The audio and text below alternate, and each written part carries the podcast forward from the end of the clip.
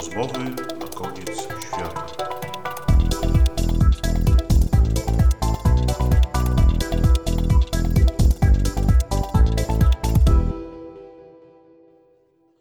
Rozmowy na koniec świata. Z tej strony Piotr Kołodziejczyk, a moim dzisiejszym gościem i rozmówcą jest dr Paulina Komar z Instytutu Archeologii Uniwersytetu Kardynała Stefana Wyszyńskiego w Warszawie. Cześć Paulino. Cześć, witam.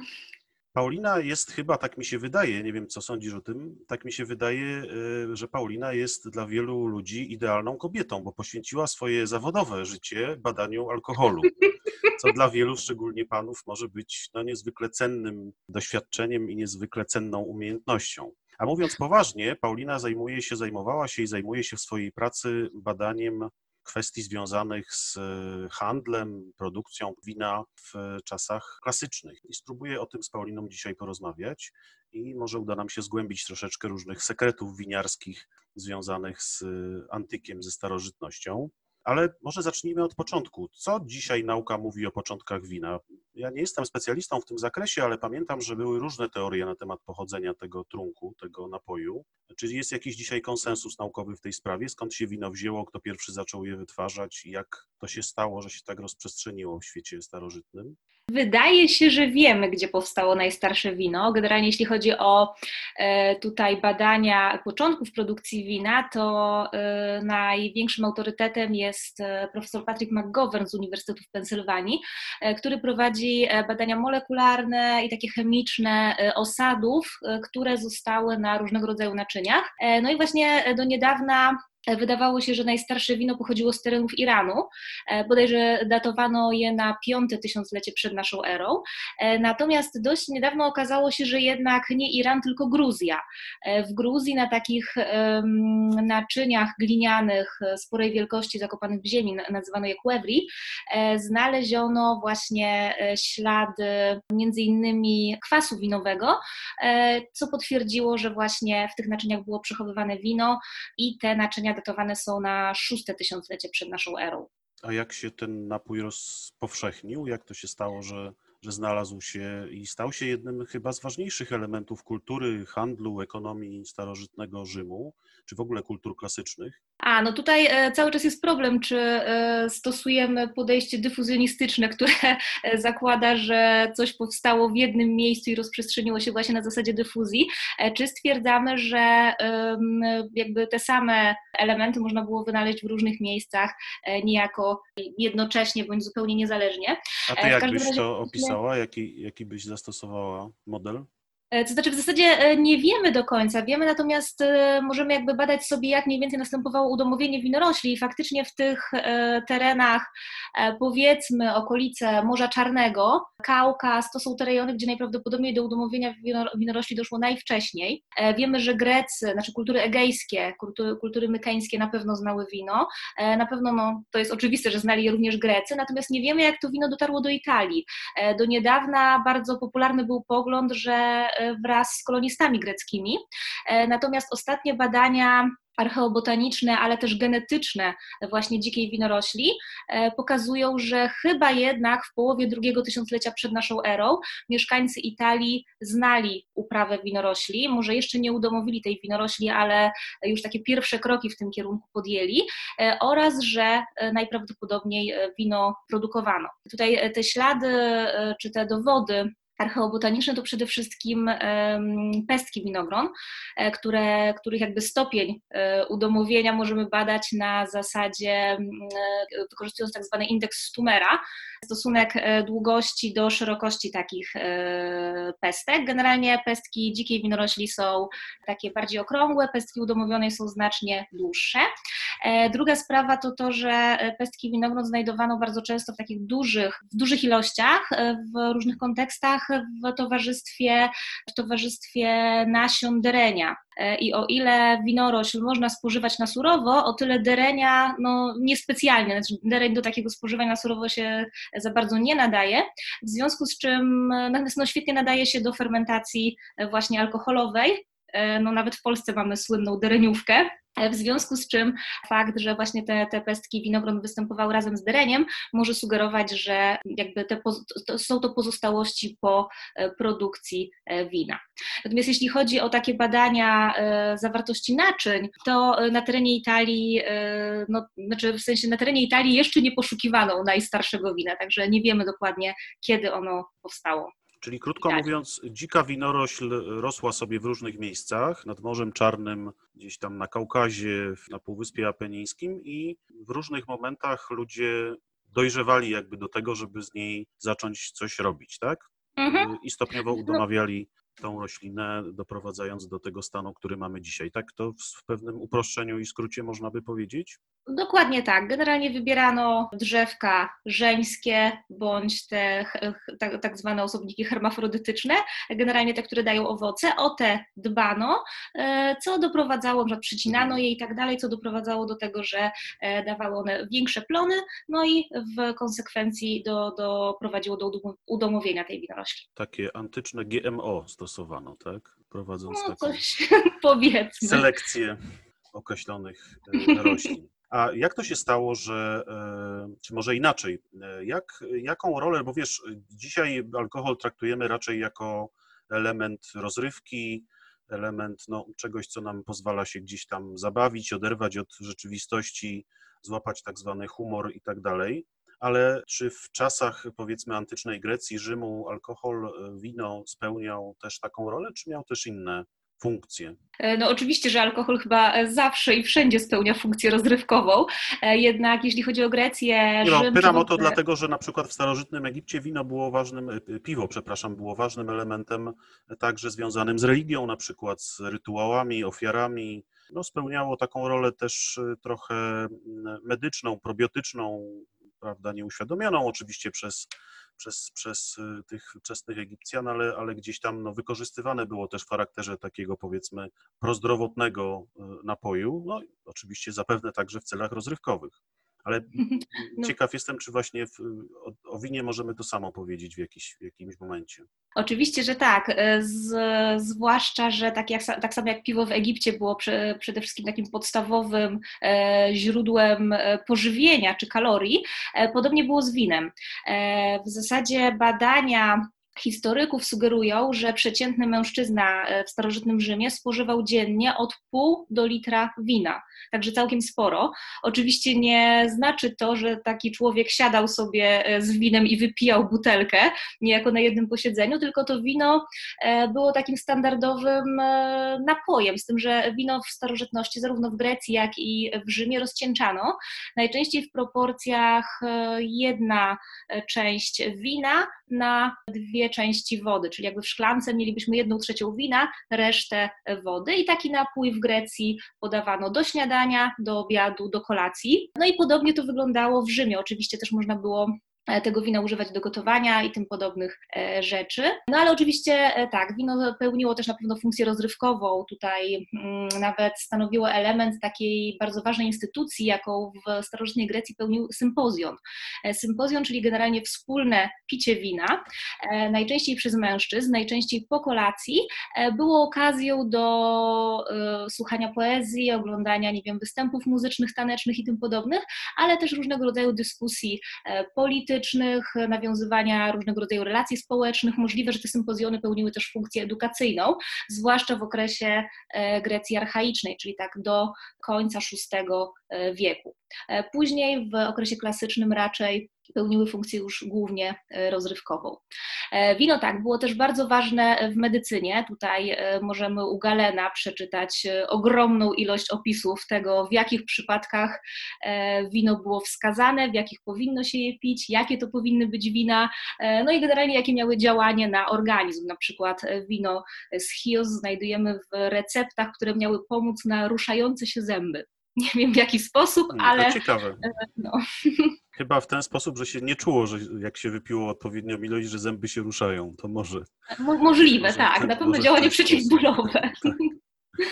Pamiętam taką e, wypowiedź kiedyś pół żartobliwą, pół serio jednego z moich e, mistrzów, nieżyjącego już profesora Kaczanowskiego, który powiedział, że podczas jakiejś, jakiegoś wydarzenia kulturalno-rozrywkowego powiedział do osoby, która częstowała go winem, że jeśli to wino, czy ten napój właściwie nie pochodzi z terenów Imperium Romanum, znaczy nie został wytworzony na, na terenach dawnego Imperium Romanum, to to nie jest wino i nie można nazwać tego winem i on nie będzie pił jakichś tam win chilijskich i, i innych tego typu napojów. Czy tak rzeczywiście jest, że ta tradycja produkcji i spożywania wina, cała ta taka enologiczna, można powiedzieć, wiedza i doświadczenie i, i pewna, pewien szacunek do tego napoju i pewna związana z nim kultura jest związana z, z Rzymianami i z tym roz, roz, rozprzestrzenieniem się tego napoju w trakcie panowania Rzymian nad, no, nad znaczną częścią Europy?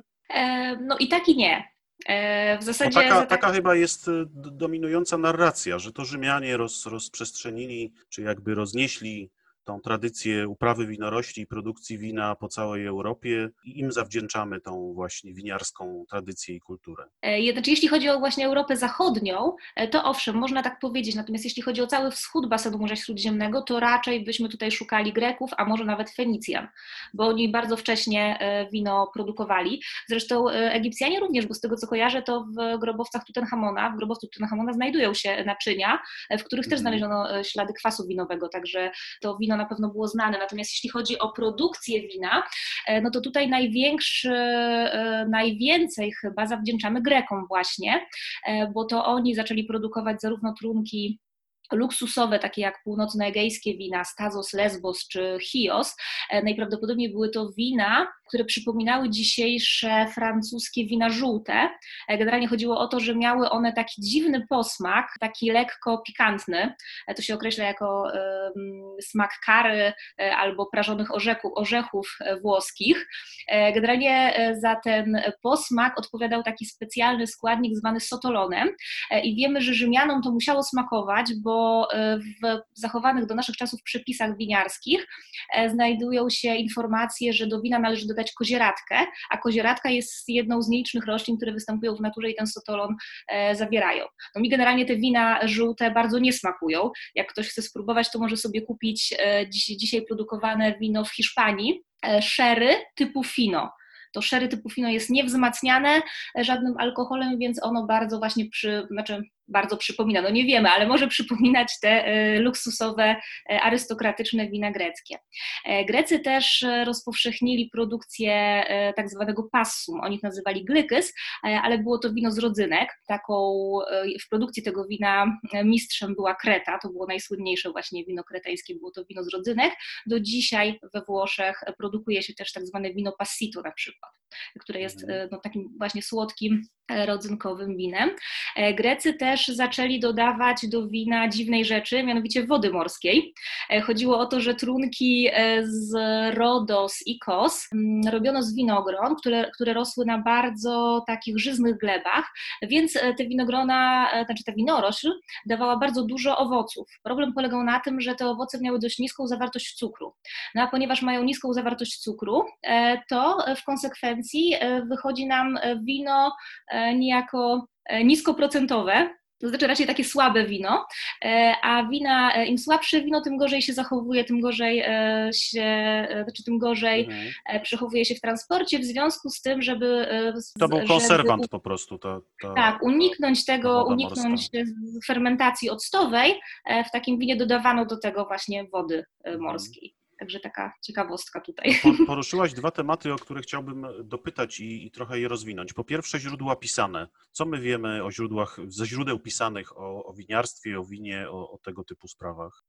E, no wiemy bardzo dużo na temat e, sposobów produkcji, na temat tego, które wina były dobre, które nie, tutaj najlepszy i w ogóle gdzie produkowano wina. Dużo jest e, tych źródeł pisanych, w których Sporo. można tego rzeczy znaleźć? Sporo. Najlepszym jest 14 e, księga Pliniusza, e, historii naturalnej, Pliniusza Starszego.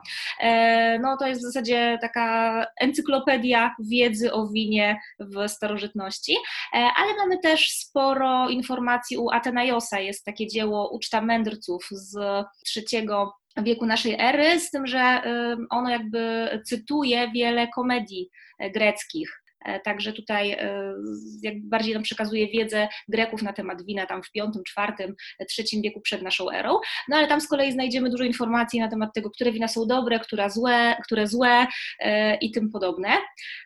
Na przykład jest informacja o tym, jak wspaniałe było wino z Lesbos, a jak, jaką torturą było picie wina z Koryntu. Znajdujemy też ciekawą informację u Plutarcha, który opisuje żywot Demetriosa Poliorketesa, no i tam wspomina o tym jakiś Antygon Jednooki wkurzył się na swojego syna Demetriosa, e, że nie bywał na żadnych ważnych spotkaniach politycznych, strategicznych, gdzie tam e, rozmawiano o strategii wojennej. No i Demetrios mu się e, tłumaczy w taki sposób, którego nie, jest, nie, nie jesteśmy niestety w stanie przełożyć na język polski. W każdym razie on mówi, że miał problemy z czymś, co po grecku jest nazwane reuma, co po angielsku należałoby przetłumaczyć jako flow. Generalnie chodzi o jakiś przepływ płynów, czyli Demetrios mówił, że miał problemy z przepływem płynów. Generalnie sugerował, że no wymiotował. E, no i tata się go pyta, no dobrze, a co tam płynęło? Wino z Chios czy wino z Lesbos? Także tutaj taki y, śmieszny żart Przy, Plutarcha. Tak, przygody z, z alkoholem. Tak, Demetriosa Poliorketesa, tak? Mhm.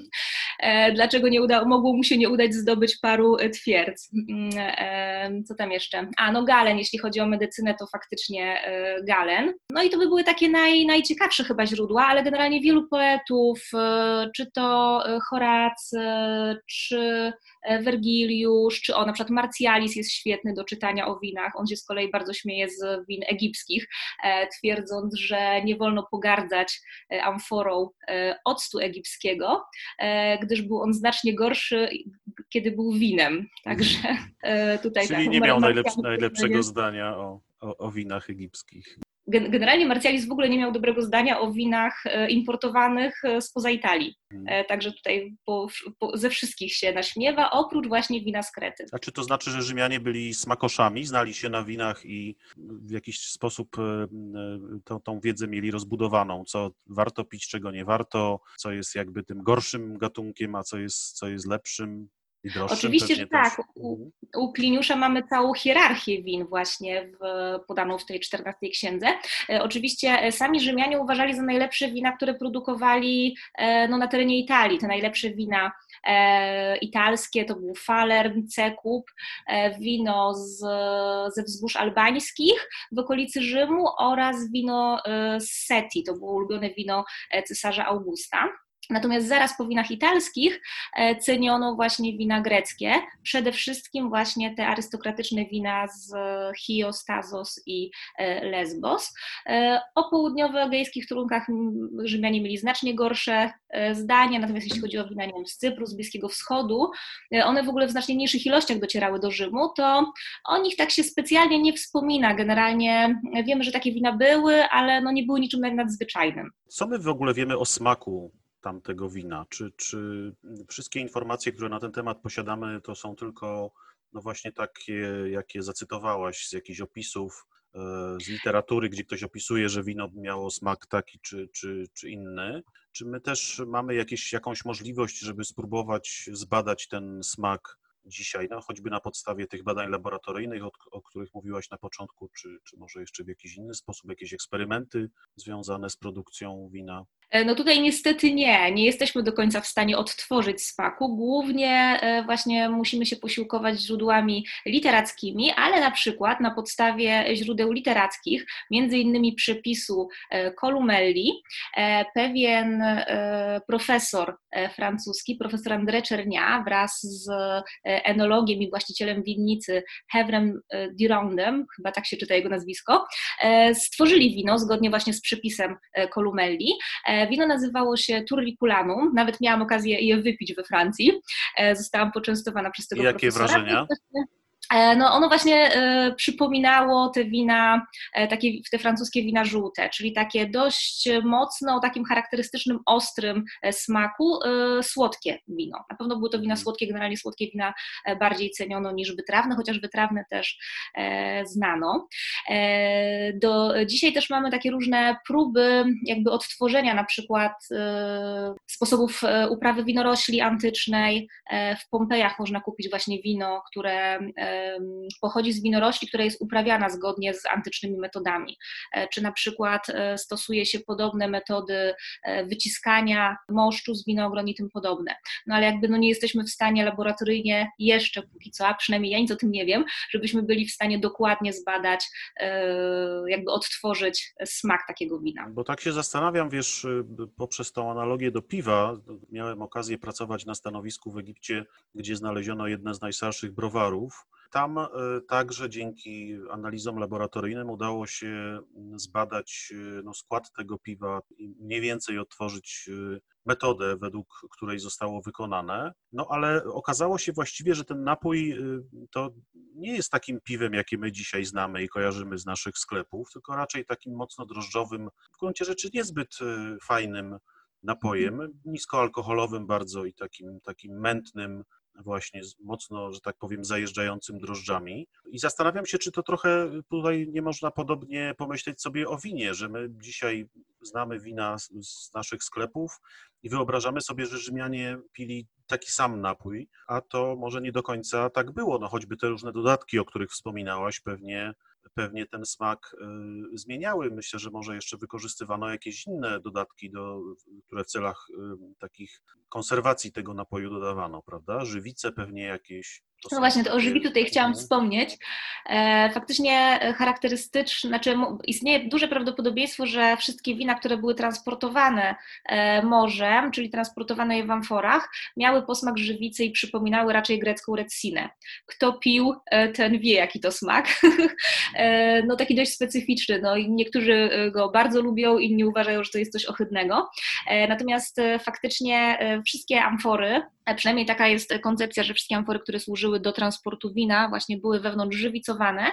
Ta żywica miała e, właśnie konserwować e, wino, zapobiegać jego fermentacji octowej, po pierwsze, a po drugie miała chronić e, ścianki naczynia, a w zasadzie nie, miała chronić zawartość, żeby nie została ona wypita przez ścianki naczynia. No bo ceramika jest porowata, mhm. więc nawet taka no amfora była w stanie nawet mhm. jedną piątą zawartości tak. wchłonąć. Tak. Bo amfora to taka, to taka antyczna beczka, tak?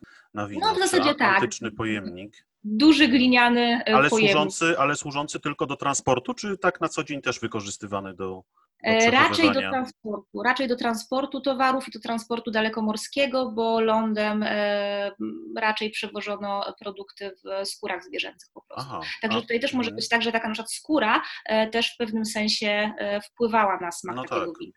W okresie późnej starożytności, mniej więcej od III wieku, upowszechniają się beczki. E, więc tutaj z kolei mhm. jak to wino leżakuje jakiś dłuższy czas w beczkach, może być tak, że ono też nabiera takiego no tak, specyficznego tak, w zależności od tego, z czego beczka jest wykonana zapewne. Dokładnie. No ale mhm. tutaj no nie wiemy dokładnie, jakie tam procesy zachodziły i jak to wyglądało. Jeszcze problem też polega na tym, że mamy bardzo niewiele faktycznie zachowanych beczek i nie wiemy, w jakiej, jaka była skala tego transportu trunku w beczkach. Natomiast ciekawe jest to, że gdy w XVII wieku zaczęto transportować wina z Portugalii do Wielkiej Brytanii, to one właśnie były transportowane transportowane w beczkach i bardzo często nie wytrzymywały tych kilku miesięcy podróży i docierały na miejsce skwaśniałe. Tak wymyślono porto, czyli wzmacnianie wina e, brandy. E, mhm. Natomiast w starożytności, przez ten cały okres starożytności klasycznej i Grecy i Rzymianie byli w stanie transportować wino na bardzo dalekie odległości, ale też je przechowywać bardzo długo. Pliniusz, który żył w, no, zmarł w 79 roku naszej ery, wspomina, że pił wino, które zostało zabutelkowane czy też zaamforowane e, w czasach e, konsula Opimiusza, e, który sprawował swój urząd w 121 roku. Czyli to wino miało prawie 200 lat. U, no to rzeczywiście. No nie wiemy, czy to jest prawda, że ono tak mhm. faktycznie przetrwało, czy to jakaś legenda, którą Piliusz zapisał, no ale na pewno pito wina, które miały przynajmniej 25 mhm. lat. Falern był podobno najlepszy właśnie po 25 latach. A tak na co dzień wino w warunkach domowych przechowywano i pito w jaki sposób, przy użyciu jakich naczyń?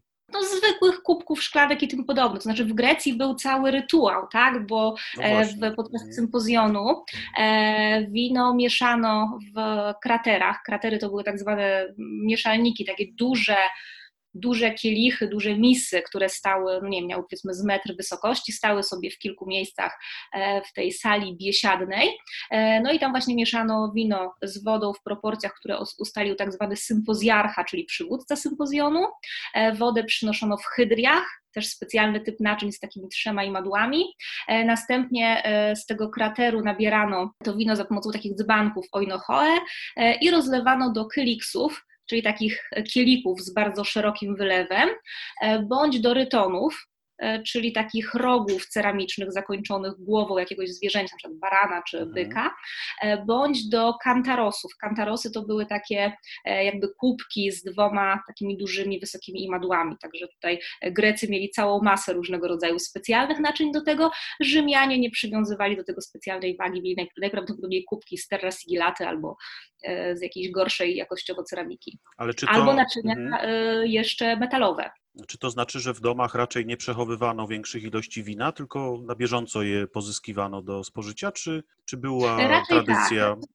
Raczej, e, raczej nie, chyba nie przechowywano większych ilości, bo w każdej tawernie można było kupić e, mhm, wino, mhm. E, więc tutaj można sobie było kupować no, ilości tak jakby do, do codziennego spożycia. No oczywiście w domach arystokracji znajdujemy czasami całe amfory, które tam stały i najprawdopodobniej były przechowywane w piwniczkach, piwniczkach, tutaj mówię w cudzysłowie, tak? Właśnie, właśnie miałem zapytać o to, czy było coś w rodzaju piwniczek winnych, do których gospodarz się udawał po to, żeby znaleźć coś odpowiedniego na, do okazji, tak jak to czasem e... widzimy w niektórych filmach. Nie było czegoś takiego, raczej na bieżąco. Tak? Raczej chyba nie, po prostu pomieszczenia y, takie właśnie magazynowe, kuchenne, gdzieś tam to wszystko e, sobie przechowywano. No i wtedy te e, wina oczywiście mogły sobie stać w amforach no, trudno powiedzieć, jaką kto stosował e, taktykę, e, natomiast też jest taka dość ciekawa, ciekawa anegdotka zapisana w źródłach literackich. E, mówi o tym, jak to dziadek słynnego Marka Antoniusza, przyjaciela Cezara, zwany Markiem Antoniuszem Oratorem, kiedyś w czasach proskrypcji schował się on w domu jakiegoś swojego znajomego, ale który pochodził z plebsu z tym, że ten plebejusz no, miał jakieś wino w domu, ale nie chciał poczęstować arystokratycznego gościa czymś takim, co pił na co dzień. Tak? Wysłał swojego niewolnika, tak, po coś znacznie lepszego do tawerny. Sprzedawca w tej tawernie, tawernie był tak zdziwiony niecodziennym zakupem, że wypytał niewolnika o co chodzi.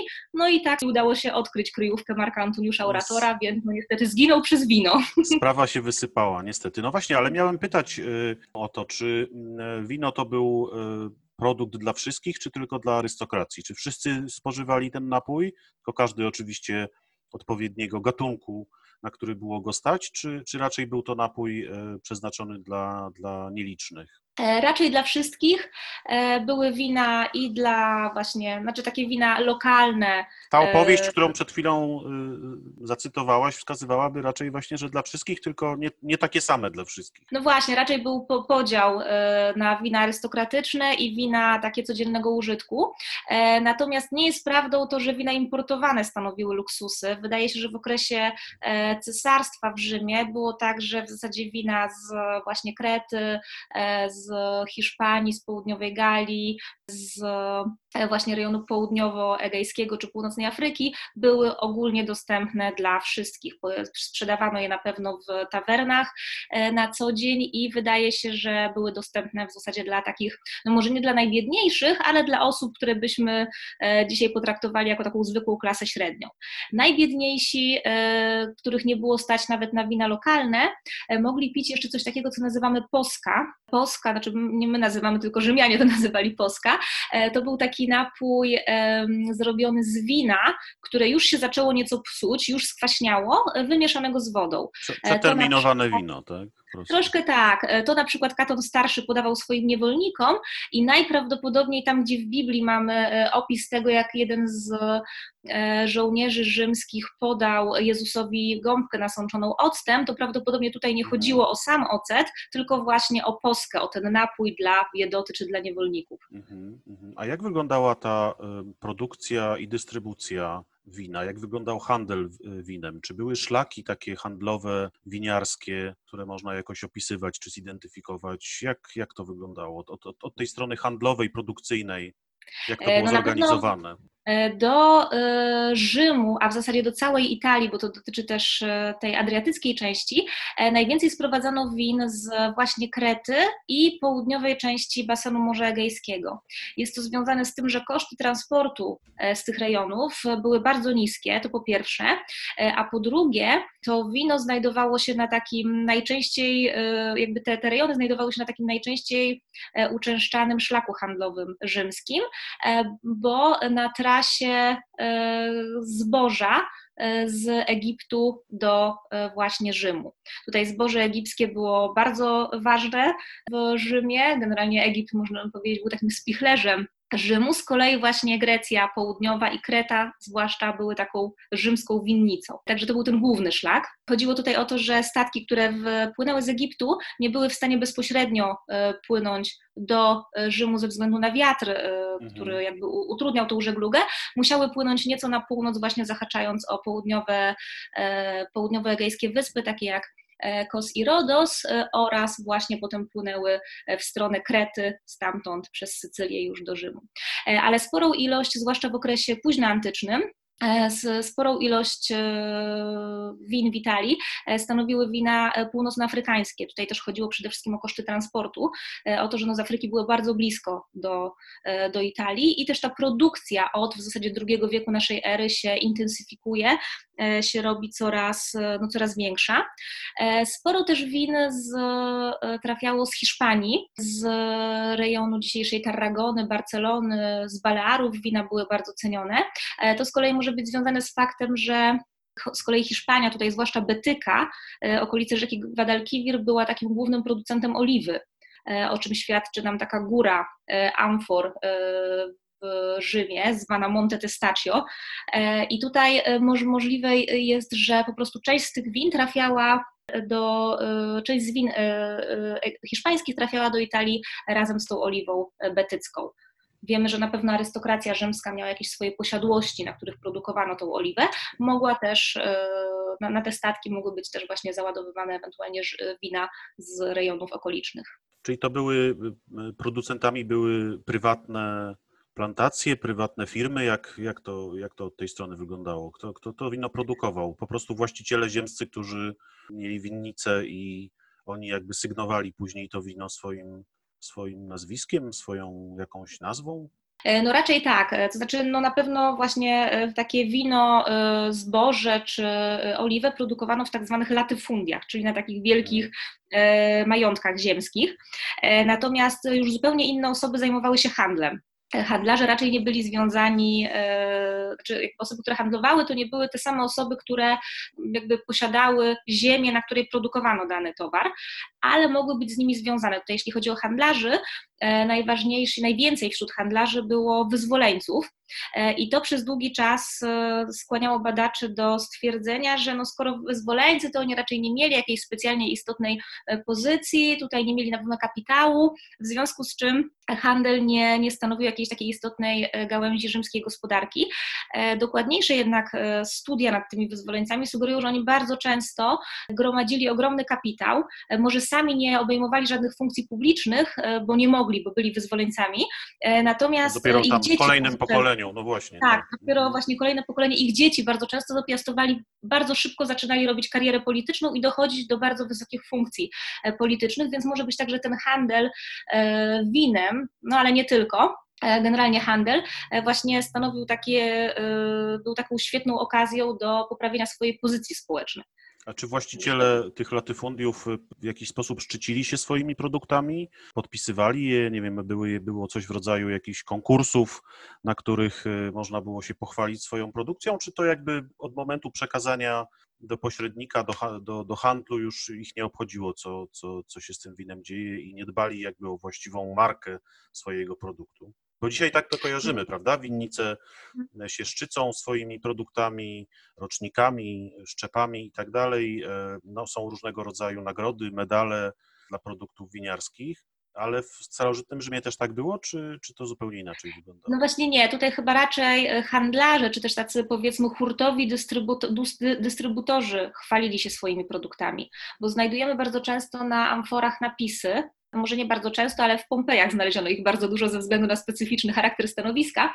E, napisy te nazywamy tituli picti albo dipinti. One są generalnie na, napisane właśnie e, różnego rodzaju informacje na takich amforach, no i bardzo często mamy informacje, mamy takie, taką powiedzmy krótkie teksty reklamowe, czy hasła promocyjne, e, na przykład vinum criticum excellence albo vinum vetum excellence. E, ale to przez handlarzy, tak, umieszczane, nie przez tak, producentów, tylko przez handlarzy. Raczej tak, bo w momencie, gdy, yy, czy raczej to wyglądało tak, że to wino z yy, miejsc, w których je produkowano, trafiało do miejsca, w których je butelkowano, czy też amforowano i potem już dystrybucją zajmowali się handlarze i to oni mhm. niejako zachwalali swój produkt, a nie producenci. No właśnie, czyli to trochę inny system niż... Trochę, trochę inaczej niż, yy, niż dzisiaj. niż dzisiaj. A czy kobiety z wina też korzystały? Czy miały także w tej kwestii trochę mniej praw niż mężczyźni? Nie, no jak najbardziej i kobiety i dzieci. Najśmieszniejsze jest to, że w Grecji dzieci, które przestawały być karmione piersią, a standardowo tak się zakłada, że w tych starożytnych społeczeństwach do trzeciego roku życia mniej więcej dzieci były karmione piersią, a potem przechodziły już na taką dietę dorosłą, e, czy też do, do charakterystyczną dla dorosłych ludzi.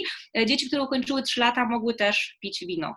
Ale dlatego, tak, że uważano je za zdrowe, czy po prostu był to taki, tak normalny element diety, że że nie widziano. No właśnie to był tak normalnie, normalny element diety. Generalnie chodziło o to, że e, woda bardzo często była zanieczyszczona różnego rodzaju bakteriami, które powodowały mm, no, różnego rodzaju choroby przewodu pokarmowego, które bardzo często mogły być wykańczające dla ludzi w tamtych czasach, tak, którzy nie mieli odpowiednich mhm. tutaj e, środków medycznych. W związku z czym najlepiej, najłatwiejszym sposobem zabicia bakterii w wodzie było właśnie dodanie odrobiny wina bądź odrobiny octu.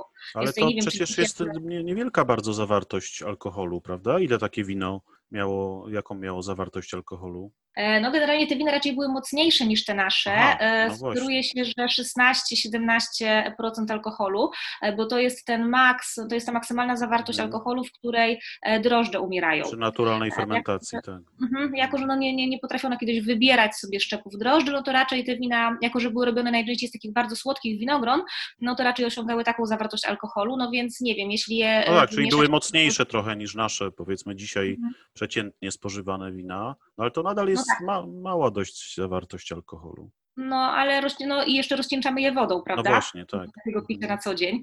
Mhm. E, czy, w, czy w ogóle do picia nawet na sympozjonach, no bo Grecy uważali, że nierozcieńczone wino piją tylko barbazy, barbarzyńcy, Celtowie, e, Scytowie i tak dalej. E, w związku z czym, no, ale no najwyraźniej to wystarczało, żeby faktycznie tę wodę uzdatnić do picia. Bo nie roz... się najgorszych bakterii. Bo nie chodziło o, w piciu wina o to, żeby się jak najszybciej wyłączyć z zabawy, tylko żeby się jak najdłużej bawić, tak? W związku z tym. Oczywiście, że tak. No, nie, na greckich ta... sympozjonach to nawet było bardzo źle widziane, jak ktoś się upił i jednak odpadł z, e, z imprezy. Z dyskusji, e, tak, albo z imprezy. Tak, to było bardzo mhm. wyśmiewane, także tutaj raczej chodziło o to, żeby, żeby mhm. zachować, powiedzmy, jakiś umiar i nie doprowadzić się do takiego stanu e, no, zbyt wskazującego. Tak. A jakim e, elementem tej antycznej ekonomii E, było wino? Czy to był istotny element mm, handlu, produkcji, sprzedaży? Czy te badania nad e, winem i, i, i, tymi wszystkimi sprawami, którymi ty także się zajmowałaś w swoich pracach, jakoś wzbogacają naszą wiedzę o tej antycznej ekonomii w ogóle i, i tych sprawach związanych z, właśnie z różnego rodzaju kwestiami handlowymi, majątkowymi, finansowymi? E, tak, i to na pewno bardzo. To znaczy, wiemy, że takim podstawą E, jakby kuchni czy podstawą diety na pewno było zboże, no ale jakby nie zachowują nam się żadne świadectwa e, handlu takim zbożem. E, też jest problem z ewentualnie oszacowaniem na przykład powierzchni, jaka była tutaj uprawiana, znaczy zajęta przez uprawę zboża, więc właśnie jeśli chodzi o wino, oliwę oraz sosy rybne, które transportowano w amforach, to są takie właśnie najlepsze wyznaczniki antycznej kondycji handlowej czy ekonomicznej. E, tutaj najwięcej nam mogą powiedzieć na ten temat, bo tu chodzi o ilość, e, o skalę właśnie takiego importu czy eksportu.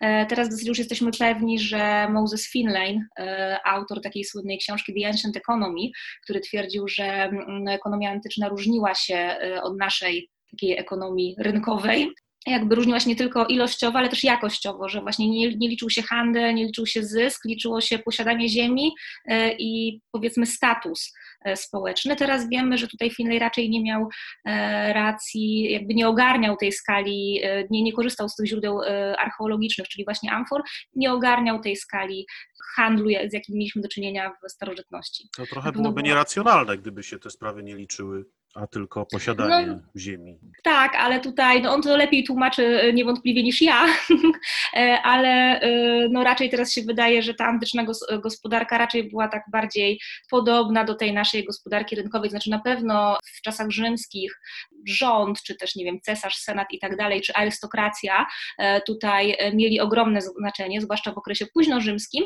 ale cały czas wolni handlarze sami mogli decydować o tym, gdzie płyną, z jakim towarem, od kogo chcą chcą kupić, komu sprzedać i tak dalej. Także y, tutaj y, raczej właśnie wydaje się y, dzięki studiom nad winem właśnie, że ta ekonomia starożytna bardziej przypominała to, co mamy dzisiaj, także nie różniła się jakościowo. E, a mogę jeszcze powiedzieć coś o tych kobietach? Jasne, i winie? Tak. Jasne, jasne. Bo tam nie zdążyłam, ale właśnie chciałam jeszcze dodać, że e, była taka koncepcja, że w okresie archaicznym w Italii kobiety nie mogły pić wina, ale e, że, że jakby no, był, był zakaz, e, z tym, że o tym zakazie wiemy z czasów znacznie późniejszych, z tekstów z okresu późno Rzymskiej Republiki albo początku cesarstwa. Dzisiaj wydaje się, że żadne takie tabu E, dotyczące spożycia wina przez kobiety nie istniało, e, mogło natomiast dotyczyć wina, które pełniło funkcje religijne. To znaczy, że kobiety normalnie mogły pić wina, e, no ale nie mogły spożywać takiego specjalnego wina, które było poświęcone dla Jowisza, czy dla jakichś, do, dla jakichś specjalnych ceremonii właśnie na cześć mhm. Jowisza. Wino mszalne e, tak zwane, tak? No właśnie, coś, coś tego typu, dokładnie. E, także tutaj e, i w Grecji, i w Rzymie no kobiety jakby na co dzień to wino konsumowały, chociaż faktycznie w Grecji, no znaczy jakby i w jednym, i w drugim przypadku pijaństwo kobiet było bardzo napiętnowane oraz też zdawano sobie sprawę z tego, że wino szkodzi kobietom w ciąży, czy w zasadzie dzieciom, tak, w tej sytuacji, oraz że kobiety karmiące znaczy przez 40 dni po porodzie chyba nie powinny pić wina. Mhm. E, tylko tutaj się też zawsze wspominało o takim jakby nadmiernym piciu, a nie takim spożyciu codziennym. No tak, o, o przedawkowaniu, a nie o spożyciu do, do, do posiłku pewnie, tak? No właśnie. A jeszcze chciałem dopytać, bo tam wspomniałaś o jakichś państwowych działaniach. Czy, czy były jakieś takie właśnie mm, sytuacje, w których państwo próbowało wkraczać w ten handel winem, wydawać jakieś zalecenia albo w jakiś sposób sterować tymi sprawami, czy zupełnie nie mamy tego typu dowodów z, z czasów rzymskich? To znaczy wiemy, że raczej w okresie w, wczesnorzymskim, znaczy w zasadzie w pierwszym, drugim, trzecim wieku raczej nic takiego się nie działo.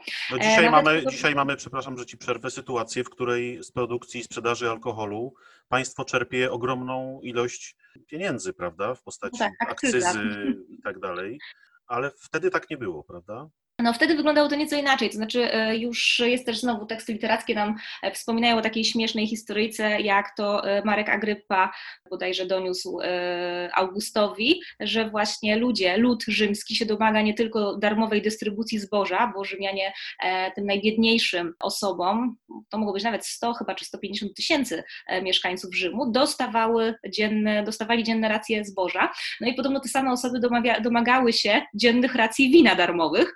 No ale August odpowiedział, że no nie po to Agrypa budował e, akwedukty, które doprowadzały czystą wodę do miasta, żeby jeszcze miał e, tym ludziom e, dawać wino. To się zmieniło w okresie późnoantycznym, bodajże za Aureliana, który właśnie wprowadził może nie dystrybucję wina, ale państwo niejako sprzedawało wino w cenie tańszej, e, znaczy niższej niż cena rynkowa, o tak. Mhm. Czyli takie powiedzmy ceny dumpingowe stosowano w pewnych mhm, tutaj, mhm. E, w pewnych, w pewnych e, momentach, czy znaczy w okresie właśnie tej głównie późno, późnej starożytności. A czy były jakieś sytuacje, czy, czy spotkałaś się gdzieś z jakimiś opisami albo wzmiankami na temat skutków nadmiernego spożywania alkoholu, no bo skoro spożywano go tak często i tak powszechnie, nawet od, od dziecka można powiedzieć, to można by się spodziewać, że pojawiły się jakieś, pojawiały się jakieś problemy związane z no, chociażby chorobą alkoholową, prawda, albo różnymi przypadłościami wywoływanymi nadmiernym spożyciem alkoholu. Czy, czy coś na ten temat wiemy? Nie, na temat jakichś chorób specjalnie to nie, nie. Nie wiem nic na temat alkoholizmu w starożytności, czy to w ogóle zauważano, czy nie. Natomiast no faktycznie i lekarze, i tutaj poeci przestrzegali po prostu przed nadmiernym e, piciem. No w Grecji takie upijanie się e, było traktowane jako no tak trochę jakby wyłączało człowieka z... Z kulturalnego towarzystwa, tak? Tak, dokładnie. W zasadzie w Rzymie to chyba też podobnie wyglądało, ale na temat jakichś specjalnych chorób czy uzależnień e, informacji nie ma. Nie przejmowano się tym pewnie specjalnie. Nawet No, jeśli chyba były takie no sytuacje, bo pewnie były, no trudno się spodziewać, żeby, żeby ich nie było, ale być może się nimi specjalnie nie przejmowano. No na pewno były, ale też tego jakby spożycia wina nie można było wtedy uniknąć, prawda? Wtedy yy, w momencie, gdy jest to ten taki główny yy, element diety, bo w zasadzie yy, chleb, czy zboże, yy, oliwa, czy oliwki i wino, to były takie trzy podstawowe elementy, trzy podstawowe dobra konsumpcyjne. Tutaj chyba trudno było mówić o jakiejś ewentualnie abstynencji od wina. Czy w ostatnim czasie prowadzone są jakieś takie nowe badania? No myślę tutaj o tych, w których można wykorzystywać jakieś nowe metody czy nowe technologie laboratoryjnych badań, chociażby różnego typu związanych e, z winem, czy, czy z, e, no właśnie z tymi sprawami, o których opowiadałaś? E, No przede wszystkim jeśli chodzi o te początki produkcji wina, badania osadów na naczyniach, to tak, to e, prowadzi się e, bądź chromatografię cieczową, która pozwala na wykrycie kwasu winowego, bądź badania takie molekularne, czyli skład pierwiastkowy tych substancji badanych. Natomiast em, ostatnio też prowadzi się, przeprowadzono badania genetyczne, to właśnie w Italii, tutaj jakby próbując odpowiedzieć na pytanie, e, kiedy w Italii pojawiło się wino czy winorośl, e, przeprowadzono badania genetyczne, genetyczne dzikiej winorośli rosnącej na terenie Italii. No i okazało się, że te krzewy dzikiej winorośli, które znajdowały się w e, okolicy terenów, które w starożytności były zasiedlone, miały inny jakby genotyp niż te, e, które rosły w oddaleniu od dawnych siedzib ludzkich. Czyli, że faktycznie mieszkańcy Italii musieli mieć wpływ na tą dziką winorośl. Potem, co prawda, jak przybyli Grecy, to prawdopodobnie nieco się zmieniły, znaczy przy, przywieźli też swoje, em, swoje odmiany winorośli, to się troszeczkę pozmieniało. E, No natomiast no, tutaj właśnie takie badania genetyczne e, się bardzo właśnie przydają takiej próbie zobrazowania tego, jak to udomowienie winorośli się rozprzestrzeniało. A twoje badania? Robisz coś, coś ostatnio nowego związanego z winem? Tak, e, właśnie e, zamierzam wykorzystać, e, no tutaj się pochwalę, zamierzam wykorzystać takie mm, jakby powiedzmy komputerowe czy statystyczne metody do studiów nad antyczną ekonomią, właśnie z wykorzystaniem już może nie tylko wina czy amfor, ale znaczy, czy amfor winnych, ale wszystkich amfor. Generalnie zamierzam sprawdzić, jak wygląda dystrybucja amfor na różnych stanowiskach w basenie Morza Śródziemnego i skorelować to z kosztami transportu. Te koszty transportu pozwoli nam e, obliczyć taki model świata rzymskiego komputerowy, e, stworzony przez naukowców ze Stanfordu, to się nazywa Orbis. E, No i to planuję zrobić, e, jeśli moje e, stypendium Fulbrighta dojdzie do skutku w przyszłym roku. E, A poza tym dostałam też właśnie grant z NCN-u na badania antycznej ekonomii, sprawdzenie takich dwóch modelów gospodarki rzymskiej, stworzenie modelu agentowego, tego jak powinna wyglądać dystrybucja e, amfor w Italii i chcę ten model e, agentowy porównać właśnie z tym, co mamy w rzeczywistości. To powinno nam dostarczyć właśnie takiego e, ostatecznego argumentu na temat tego, jaki charakter miała e, gospodarka rzymska. No, zapowiada się bardzo ciekawie. Mam nadzieję, że już niedługo jakąś ciekawą książkę będziemy mogli Twojego autorstwa oczywiście przeczytać na tym A to tak, książka się na pewno ukaże jeszcze w tym roku, jakoś na jesieni. E, Zostanie tak opublikowana przez Brill. Tytuł jest taki: Eastern Wines on Western Tables, Consumption Trade and Economy in Ancient Italy. Mhm. E, No ale to będzie jakby dotyczyło tego, co robiłam do tej pory, a te takie komputerowe analizy, model, modelowania agentowe i tak dalej, to będzie coś, e, czym się zamierzam zająć Na przyszłość. e, Mhm. w przyszłości, tak. Zmierzając do podsumowania tej naszej rozmowy, chciałbym Cię zapytać, czy jesteś w stanie wskazać jakieś elementy tej antycznej winiarskiej kultury, które do dzisiaj przetrwały w naszym świecie można je spotkać? Czy są takie elementy w ogóle? No poza samym napojem oczywiście, chociaż on się trochę różnił, jak już, jak już mówi, mówiłaś kilkakrotnie od tego, który mamy dzisiaj, ale czy jakieś inne elementy związane z tym, co znaczyło wino w tamtym świecie, jest też w naszym świecie? E, to znaczy, to widać na pewno w krajach śródziemnomorskich, w Hiszpanii, we Włoszech, we Francji. E, fakt, że to wino jest w zasadzie e, ogólnodostępne, nawet no właśnie, w, tak, tak. na uniwersytecie w Jest stołówce takim, jest takim elementem codziennym i normalnym, tak? Dokładnie tak. I tam nikt, to nie jest nic dziwnego, że na przykład na stołówce uniwersyteckiej e, ktoś e, sobie zamówi wino do obiadu. E, z tym, że faktycznie też ci mieszkańcy basenu Morza Śródziemnego, oni raczej się tym winem mniej upijają. Znaczy chodzi o to, że jakby zawsze pije się praktycznie alkohol w towarzystwie szklanki wody, bo tak mhm. samo jak kawę na przykład we Włoszech. Także to jest też coś, co może mieć swoje korzenie w antyku. I do picia wina zawsze się coś podjada to właśnie nawet w Grecji na sympozjonie, który e, odbywał się po kolacji, e, po dejpnonie tak zwanym, e, to i tak i tak spożywano jakieś migdały, ciasteczka i tym podobne, czyli takie przygryzki. I do dzisiaj, jak pojedziemy na przykład, nie wiem, na Kretę, czy usiądziemy gdzieś w jakiejś takiej niekoniecznie bardzo turystycznej knajpie we Włoszech, to zamawiając kieliszek wina prawdopodobnie dostaniemy, nie wiem, orzeszki, chipsy, czy coś w tym stylu. Mhm. Także to są takie charakterystyczne elementy, że tego wina się nie pije samego i nie po to, żeby się upić. Tak, ja też, też pamiętam, e, że byłem zaskoczony kiedyś na jednej z konferencji we Francji, gdzie podczas przerw konferencyjnych serwowano właśnie wino. E, no i dla nas było to coś takiego dziwnego, bo u nas raczej wino się kojarzyło z wieczornymi biesiadami, a tam po prostu był to napój, który można było sobie dla podniesienia poziomu dyskusji, powiedzmy, troszeczkę ale w ilości oczywiście no, nie za dużej spożyć w, w, właściwie niemalże od rana.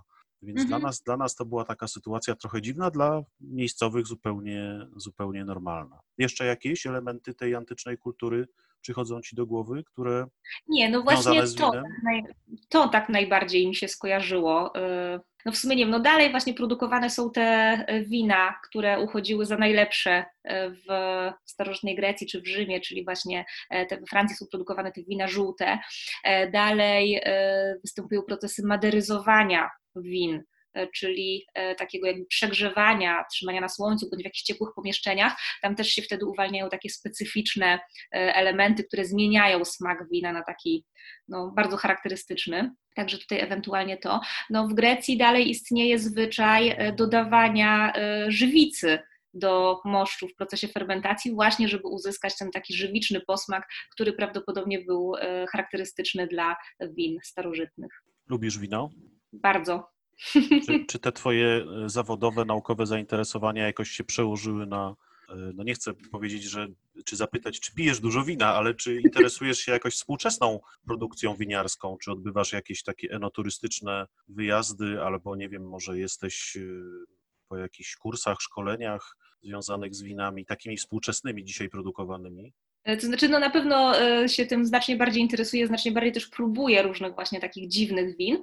E, natomiast, no niestety, nie udało mi się podjąć studiów enologicznych, które planowałam zrobić, gdy pracowałam jeszcze w Krakowie, mhm. ze względu na to, że urodziło mi się dziecko, ale może to nie jest jeszcze, może warto pamiętać o tym pomyśle i jest to coś na przyszłość. No dzisiaj chyba to się staje, tak, dzisiaj to się chyba staje nawet dość popularne i modne tego typu e, zainteresowania i e, wiem, że na, na, różnych uczelniach pojawiają się właśnie takie specjalizacje związane z enoturystyką czy, czy tego typu sprawami, więc myślę, że to jest jakiś rodzaj wiedzy czy zainteresowań, które się trochę rozpowszechniają, bo powiedzmy sobie szczerze, w naszym kraju wino raczej no nie było tym alkoholem najpowszechniej spożywanym przynajmniej w ostatnich kilkudziesięciu latach, raczej te alkohole albo mocne, e, albo słabsze, czyli piwo, prawda, by tutaj były najbardziej rozpowszechnione, a wino, wino trochę mniej. Znaczy, Na szczęście to się, to się zmienia. No właśnie, Już coraz częściej jest tak, że w pubie można kupić wino i to nawet wino całkiem dobre. Tak, bo właśnie często jeszcze bywało tak, że to wino, które było gdzieś tam już w różnych miejscach, to było wino byle jakie, takie, że po prostu ktoś miał tylko wino dla takich dziwnych ludzi, którzy raz na jakiś czas sobie zażyczą, a nawet do końca nie wiedział, co to za wino. Myślę, że to się zmienia rzeczywiście, że w Polsce ta kultura nie tylko spożywania wina, ale też wiedzy y, o winie bo przecież to jest ogromny temat i, i ta ilość różnych możliwości z winem związanych jest gigantyczna. To się zmienia rzeczywiście i rozwija?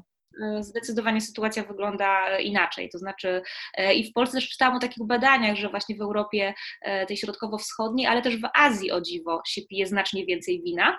No chociaż e, tutaj taka ciekawostka, chyba Japończycy bardzo lubią wino mieszane białe ze Sprite'em, a czerwone z kolą.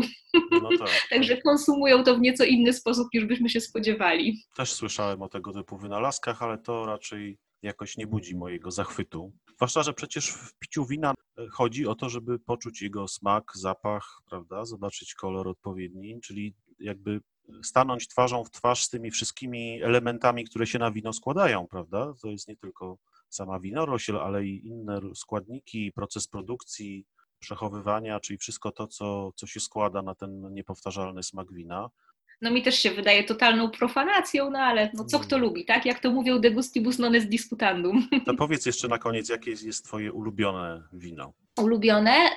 Y, portugalskie wino verde. Jest to mhm. wino produkowane na północy Portugalii, jest bardzo często takie delikatne, leciutko musujące jak prosecco y, i ma taką wysoką kwasowość. Jest idealne na upalne letnie dni które właśnie nadchodzą, więc doskonała, doskonała Dokładnie. puenta naszej rozmowy. Bardzo Ci dziękuję, życzę powodzenia we wszystkich planach i projektach. E, no dziękuję i teraz chyba każdy z nas pójdzie się napić po kieliszku wina, skoro taką rozmowę wspaniałą odbyliśmy. Ja w każdym razie nabrałem ochoty na to, żeby zakończyć dzień kieliszkiem wina. Dziękuję Ci tak, bardzo jeszcze raz. Tak. Dziękuję jeszcze raz i do zobaczenia, do usłyszenia. Do zobaczenia.